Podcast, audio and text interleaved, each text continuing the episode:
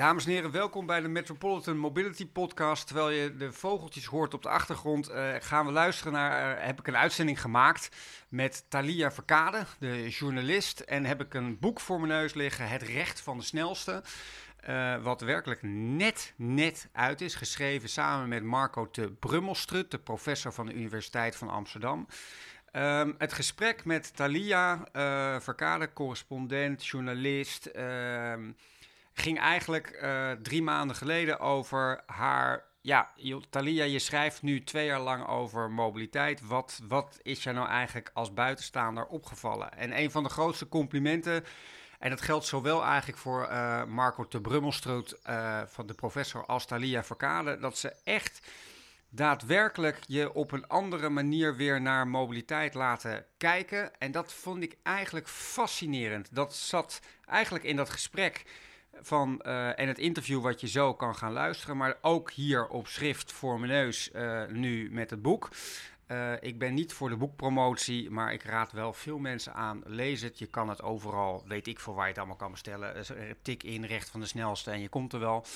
Ehm, maar je, wat ik fascinerend vind, ze laten je echt op een andere manier weer kijken naar dingen die je eigenlijk heel gewoon bent gaan vinden. En het gesprek met en het interview met haar had ik al opgenomen ver voor coronatijd. Het was in een kroeg naast, eh, naast eh, Amsterdam, naast Rotterdam Centraal. En eh, ja, het grappige was dat we beide dachten van, nou, dat is helemaal vervlogen, dat eh, interview, coronatijd, heeft helemaal geen zin meer. En het is eigenlijk zo actueel als maar kan, waarbij je eigenlijk centrale vraag is, je schrijft nu twee jaar lang over mobiliteit. En wat valt je nou eigenlijk op? Eh, ze durfde toen nog helemaal niks te zeggen over de boek, want er zat ze midden in. Titel wist ze nog half wel, half niet, maar ze was er volop mee bezig. Dus ze heeft er niet zoveel over gezegd, maar eigenlijk heel veel wat zo in het gesprek naar voren komt, staat later ook nog op schrift.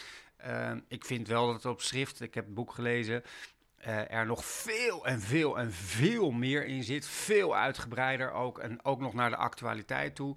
Maar eigenlijk in het interview zo eh, hoor je eigenlijk al heel erg veel eh, terug. En is het gewoon interessant. Veel plezier met luisteren. ehm, voor naar een bijzonder gesprek in een café in Rotterdam.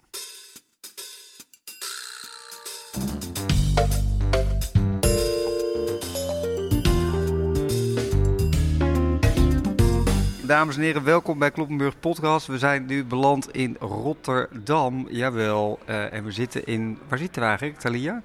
Dit heet Café Engels. Café Engels zitten we. Eh, we zijn eh, een gesprek gaan we voeren met Thalia Verkade. Ik heb net je website opgezocht en je, je schrijft over mobiliteit bij de correspondent. Eerder werkte ik als Rusland researcher voor Zeppers. Was redacteur van het boek Hoe ik talent voor het leven kreeg van Rodan Al-Ghalidi. En correspondent in Moskou voor de NRC. Ik probeer elke keer eh, het thema te behandelen van hoe houden we eh, metropoolgebieden duurzaam bereikbaar. En eh, wat mij fascineerde aan jou is dat jij schrijft nu hoe lang voor de correspondent over mobiliteit? Over mobiliteit, twee jaar ongeveer. Ja, en eigenlijk heb ik jou gemaild letterlijk met de vraag van... Ik was zo ontzettend benieuwd, want jij was eigenlijk redelijk nieuw in dat veld. En wat, wat zijn jouw... Dat vond ik aardig om in deze podcast over... Wat zijn gewoon jouw observaties na twee jaar? Maar wat, Maar gewoon een onophoudelijke stroom van ontdekkingen die super dicht bij mijn eigen leven komen. Dus het heeft mij ook echt veranderd. Wat grappig. En in hoever, waar heeft het je eigen leven veranderd dan? Het, het grote besef dat ik eigenlijk elke keer voel als ik nu door de straat rij of door de straat loop of eh mijn niet eigen meer deur normaal kan kijken. Ik kan niet meer normaal naar kijken. Nee, daar heb je misschien ook. maar ook ik begin te zien dat het hele zeg maar, verkeer, dat het niet alleen in iets is wat op straat is, maar het is ook een complete manier van denken waar ik me helemaal niet bewust van was. Dus het is een, een, een, een bepaalde manier waarop je de straat inricht. Namelijk voor het laten doorstromen van mensen die met vervoermiddelen van A naar B willen. Ja. En dat is eigenlijk best wel jong. Dat is, dat is, dat is gekomen met de komst van de automobiel.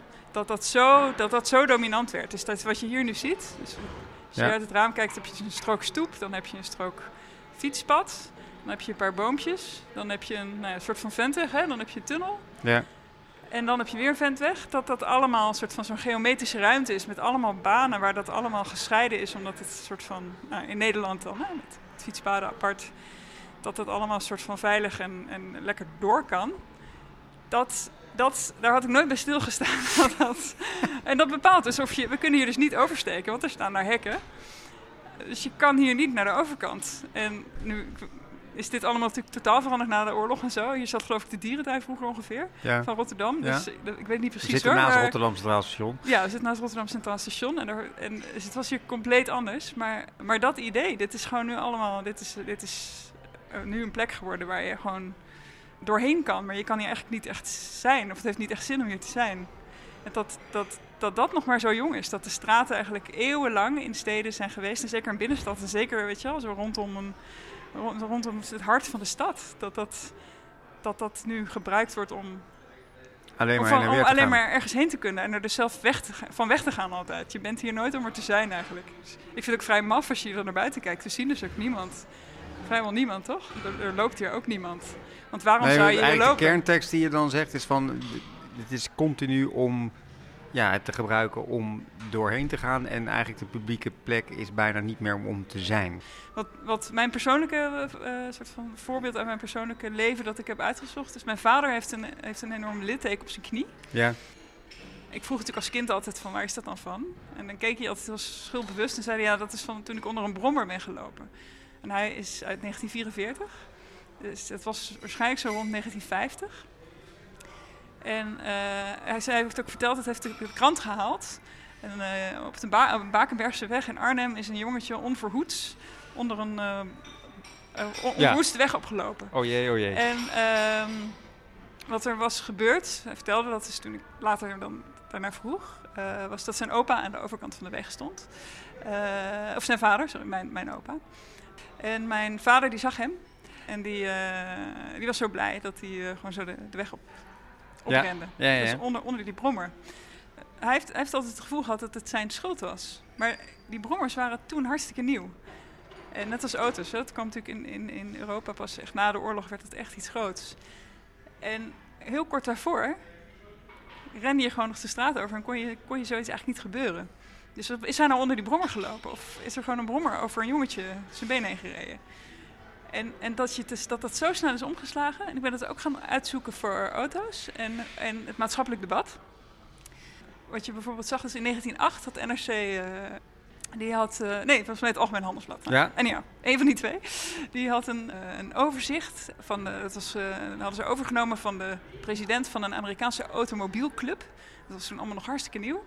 En dat waren de gulden regels voor automobilisten. En dat was echt van... eh, pas op voor vrouwen en kinderen, want die doen rare dingen. En eh, Ja. allerlei van dat soort, eh, dat soort dingen. En, en het, ook zo'n prachtige zin van het feit dat je nou een voertuig bestuurt dat, dat eh, 1500 kilo weegt. En dat een mens op straat maar eh, 75 kilo weegt.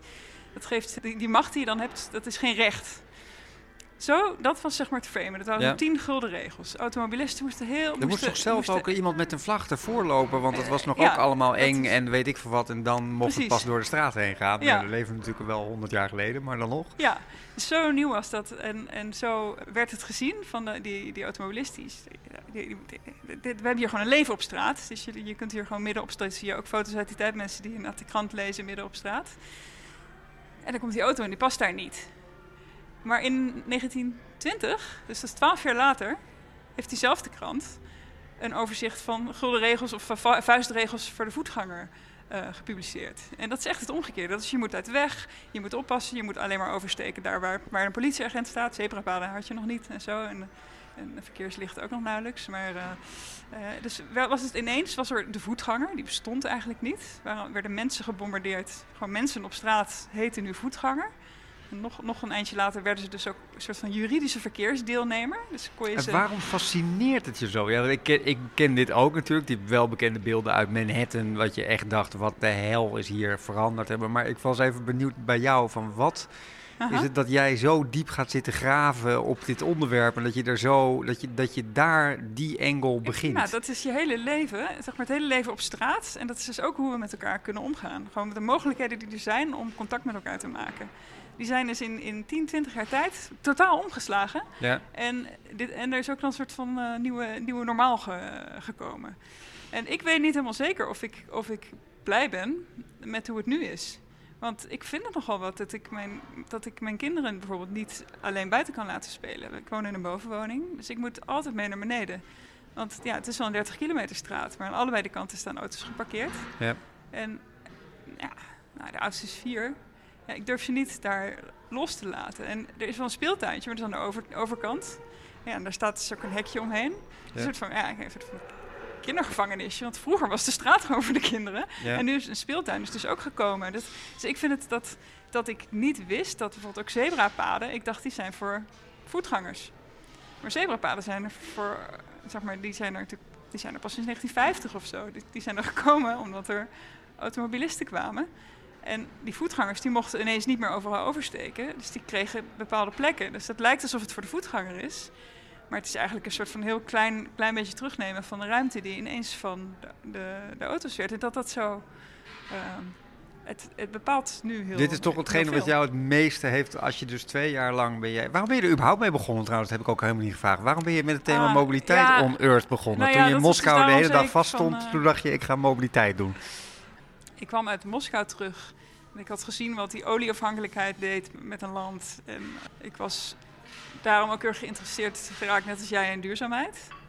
Ik dacht, we moeten van die olie af en ook van die afhankelijk, ook gewoon vanwege de, de regimes die je, die je kunt krijgen. Niet allemaal, maar eh, ja. eh, die vraagstukken die komen bijna niet meer aan bod, maar dat is een gigantische, ja. Ja, dus ik raakte geïnteresseerd in duurzaamheid en dan kom je gewoon heel snel bij mobiliteit, omdat zoveel van de CO2 ook die wordt uitgestoten en zoveel van de olie die we verbruiken is voor transport. Dat is gewoon superveel voor, eh, voor vervoer.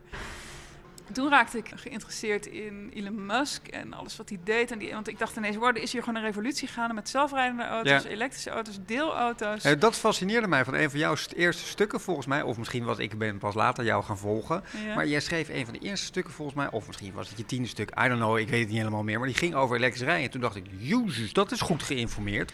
Ik vond dat echt, dat ik dacht, daar had je alles ongeveer, was raak in één keer. Ja, grappig, want ik heb dus nu heb ik een heel, eh, vind ik dat ik eigenlijk eens een stuk moet schrijven over wat, er, wat ik allemaal heb bijgeleerd of bij, of heb, weet ik wat, ontdekt sindsdien, waardoor ik er nu weer heel anders naar kijk. Kijk, dat stuk dat klopte feitelijk wel. Dat ging erover dat, dat die CO2-uitstoot van een elektrische auto, daar, ik, ik zat daar dus erg op. Ik zat enorm in mijn maag met die CO2. Ja. En er was toen zo'n verhaal van die elektrische auto's, die zijn helemaal niet schoner, want die Nee, life cycle Ja, ja, de hele dingen en zo. Nou, en dat ging ik uitzoeken en ik ging naar zo'n recyclefabriek voor batterijen. Ja, daar heb je echt al het hele artikel, of even voor de mensen je eigen promo, waar kunnen we dat nog nalezen? Want ik heb het zelf ook al heel ja, lang niet meer nee, maar ja, gelezen. goed. Ja, nee, maar ik vind het zelf, ik vind het zelf dat, het, dat ik, ik, ik, ik zou erop terugkomen nu. Dus ik moet eigenlijk eens een vervolgstuk maken, omdat het is wel, al- alles wat in dat stuk staat klopt wel, naar Ja. mijn beste weten. Dus dat zo'n elektrische auto is wel schoner qua CO2, maar ik vind dat ik een fout heb gemaakt om alleen maar naar, eh, zeg maar, om de, om de auto alleen maar als een CO2-probleem te zien.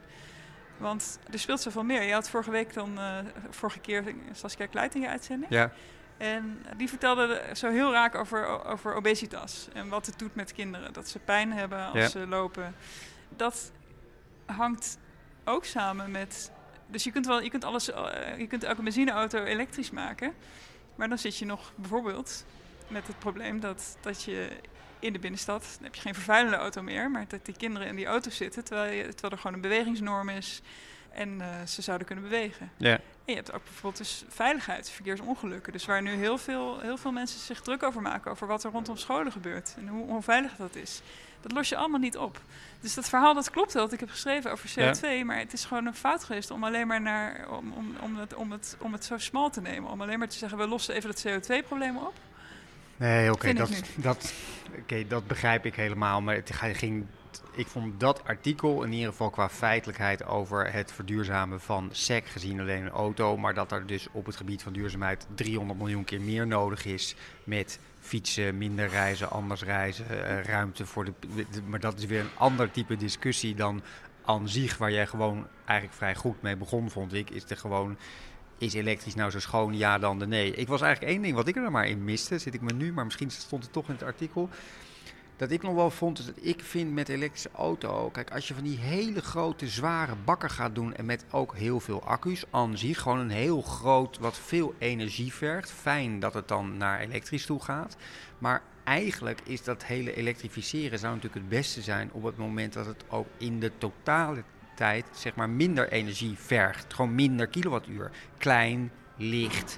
Eh, en dat hoor ik eigenlijk heel weinig. Een soort van Tesla is de norm, joepie de poep. Terwijl ik ben erg voor ja, bijna de elektrische fiets, snap je? Een soort van klein, licht, eigenlijk de energie verbruiken die eigenlijk elektrisch, die nodig eigenlijk is. Terwijl nu zitten we met hele zware bakken rond te Ja. rijden. Dat was het enige wat Ja, ik waar niet je gelezen omheen heb. moet, omdat ze niet op de parkeerplaats passen. Zo- Ja, en die Tesla. daarnaast inderdaad nog allemaal mensen doodrijden en weet ik veel wat allemaal. Maar gewoon, gewoon überhaupt het energieverbruik. Ga nou eens Ja. gewoon veel kleinere dingen maken die je echt nodig hebt. Ja, waarom moet je, heb je, wat is, ik denk dat zo'n Tesla weegt wel, weet ik nu niet meer, maar 1800 kilo of Ja, zo. Waarom ja. heb je 1800 kilo nodig om iemand van 80 kilo te verplaatsen? Exact, precies. en dat het- vraagstuk. En dat het wel elektrisch moet, ja, maar dat en wat heeft dat allemaal voor gevolgen dat je dat doet? Als het dus zo zwaar wordt. Ja. En dat is dus ook qua energie. Ja, en ik had, weet je, ik had zo'n probleempje toch niet helemaal opgelost over, over in de winter en zo. Met als je dat allemaal niet op je zonnepanelen kan laden. Ja, Nou, dat heb ik ook nog steeds niet opgelost. nee. En ik vind dat ik heel makkelijk, ik vind dat er op meerdere manieren dat stuk een soort van eh, allemaal heel waar was in wat ik schreef, maar Ja. enorm ontbrekend in wat er ontbrak. Eh, dus ik, ik, eh, ik was naar zo'n recyclefabriek. Ontbrekend in wat er ontbrak. Ja, dat zeg ik een beetje raar. Heel erg, zeg maar, niet goed was in, in hoeveel, wat ik allemaal eh soort van gewoon niet benoemde en daarmee buiten het zicht bleef. Ja? Dus- Baal je dus- daar dan echt van als journalist? Ja, Dat daar baal echt- ik van. Ja? Ik ga nog wel, ja, daar ga ik ook nog wel. Dat, Maar komt het dan drie maanden Ik- later of zes maanden? Of krijg je meteen in je mailbox allemaal kritische noten? Of Nee, komt- ik was, heel lang heel, ik was heel lang heel blij maar dat is, eh, met dat stuk. Ik was er echt trots op. Het is Ja. vertaald naar het Engels. En daar was ik ook trots op. En Ja, Ik vond dat zelf ook toen een goed stuk. Ja. Maar dit is dus wat ik zei, dat er in de afgelopen twee jaar ben ik veranderd. En dit is wat er is veranderd. Dat ik het niet meer kan zien als een losstaand probleem.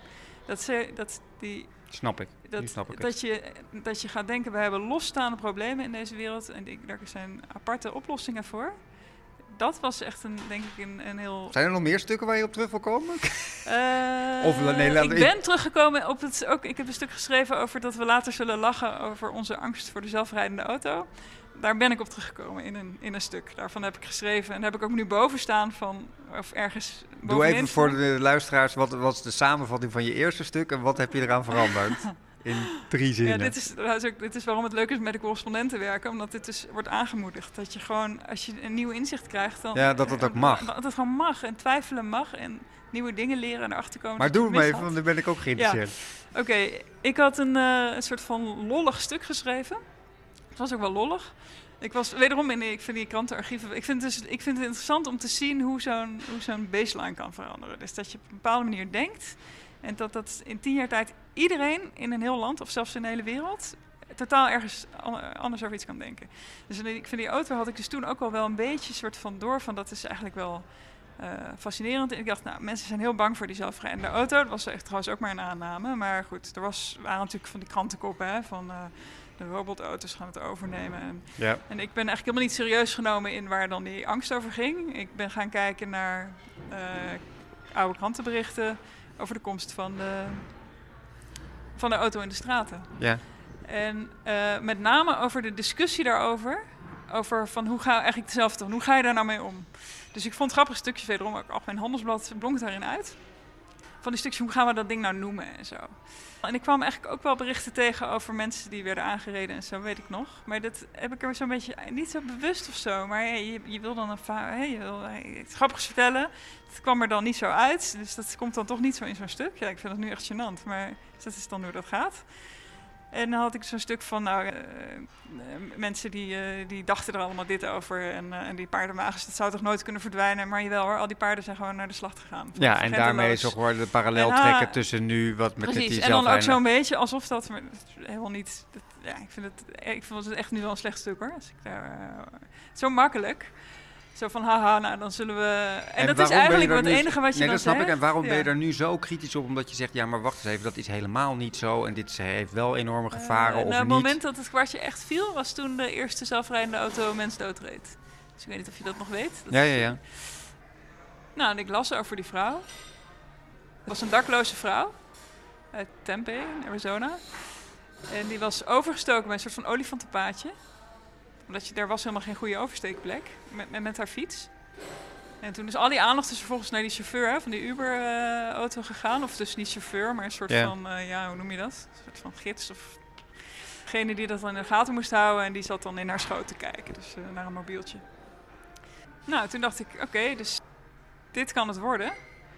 Dat alles maar gewoon uit de weg moet. Want die zelfrijdende auto, die, eh, als die hier niet mee kan omgaan, dan gaat hij dus of mensen doodrijden, en dat zullen we niet accepteren. Of hij moet extreem langzaam gaan rijden. Dat heb je nu, zie je wel met experimentjes met Maar zelfrijdende busjes. maar je kent ook, denk ik, daarom, je bekent ook, of misschien ken je het niet, maar daar kan je op reageren. Eh, professor Maarten Steinboeg zegt bijvoorbeeld, als je van de TU Eindhoven, die kijkt naar systeemniveau, die zegt ja, maar ja, als we kijken naar wat al die 8,3 miljoen mensen achter dat voertuig aan het doen zijn en hoeveel problemen die veroorzaken omdat ze aan het drinken zijn en rijden of omdat ze debiele acties uithalen. Als je op systeemniveau kijkt hoeveel de human failure is, die is vele malen hoger, zegt men dan, op het moment dat je eigenlijk de computer het laat overnemen. Dus ja, dit is verschrikkelijk voor die ene mevrouw. Dat is natuurlijk ook, daar schrik ik dan ook van. Ik zeg niet dat ik voor ben, hè, maar dat Mhm. is wat, wat een aantal wetenschappers zeggen.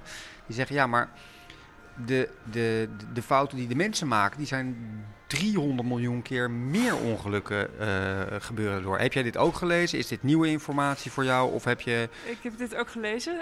En, maar wat ik, wat ik vooral grappig is, is dat die baseline is van, nou, dus we, dus we hebben 1,3 miljoen verkeersdoden per jaar in de wereld. Ja. En het is doodsoorzaak 1 onder kinderen tussen, ik geloof, 5 en 14 of zo. Dat is de Verenigde Naties. Zo'n doodsoorzaak nummer 1 is zeg maar het verkeer voor kinderen nu. Ehm, Is dat echt zo grappig dat we hebben? Dat is dus puur omdat jij in dit domein komt dat ik daar ook weer van schrik als ik ja, en ik vind het ook heel interessant dat ik zelf dit hele dom- domein heel lang niet interessant heb gevonden. Dat ik het dus weg... Ik dacht, het gaat allemaal wel goed in Nederland, toch? Het wordt hier toch ook niet erger? Ja, het is hier opgelopen van 613 verkeersdoden 2017 naar 678 in 2018. Dat is, dat is 11 procent erbij.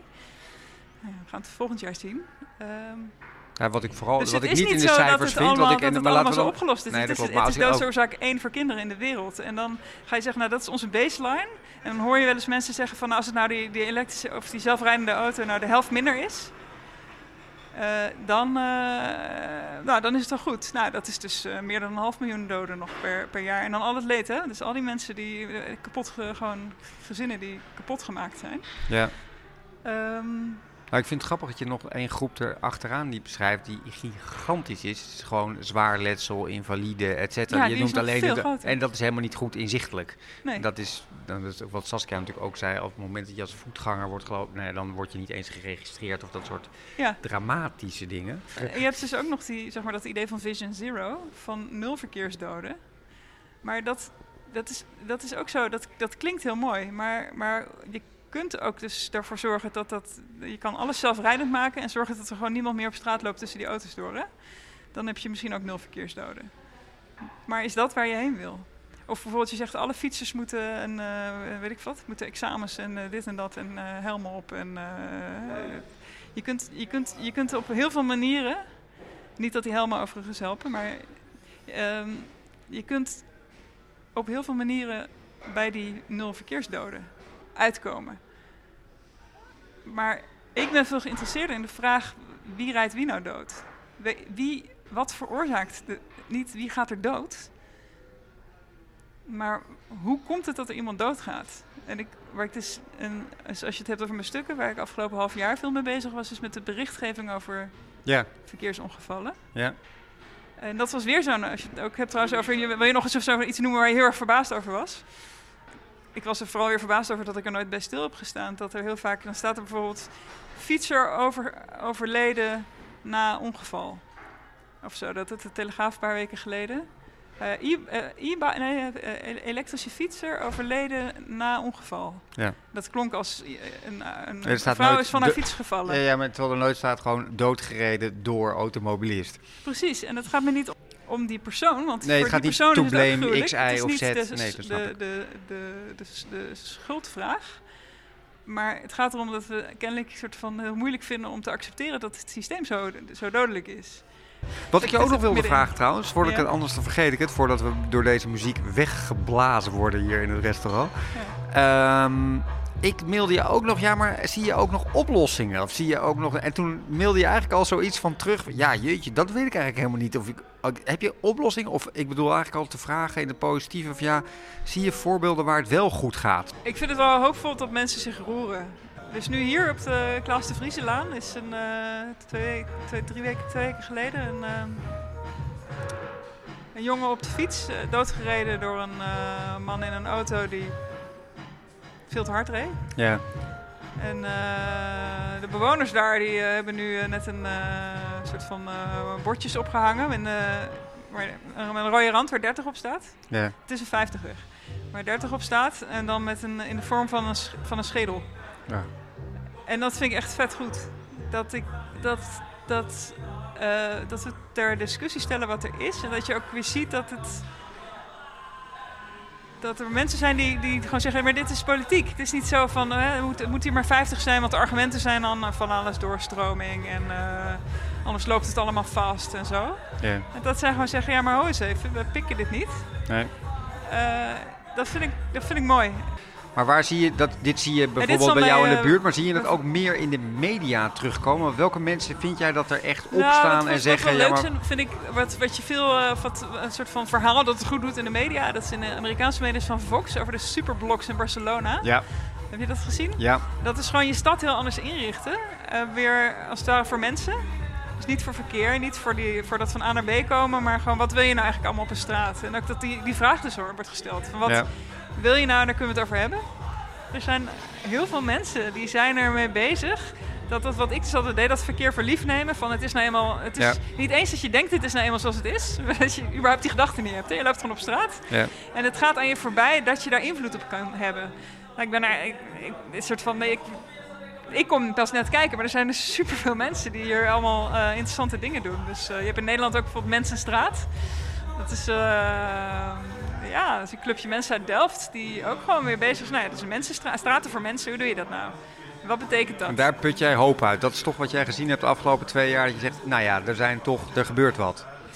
Ja, ja, dat is wel. Dat je gewoon... ehm, Dat die discussie weer loskomt over dat het niet sowieso zo doorgaat zoals het Nee, het, systeem lijkt, het nu het is. kan zo ontzettend lijken van eh, onze modellen zeggen nu eenmaal dat we de stad zo moeten inrekenen, want we hebben allemaal computermodelletjes die zeggen dat het zo moet en zo. Ja. En ik denk ook, het, het komt natuurlijk ook door, alle, door dat gevoel van die revolutie, hè, van die deel, of, auto's, deelfietsen, zelfrijdend, elektrisch en zo.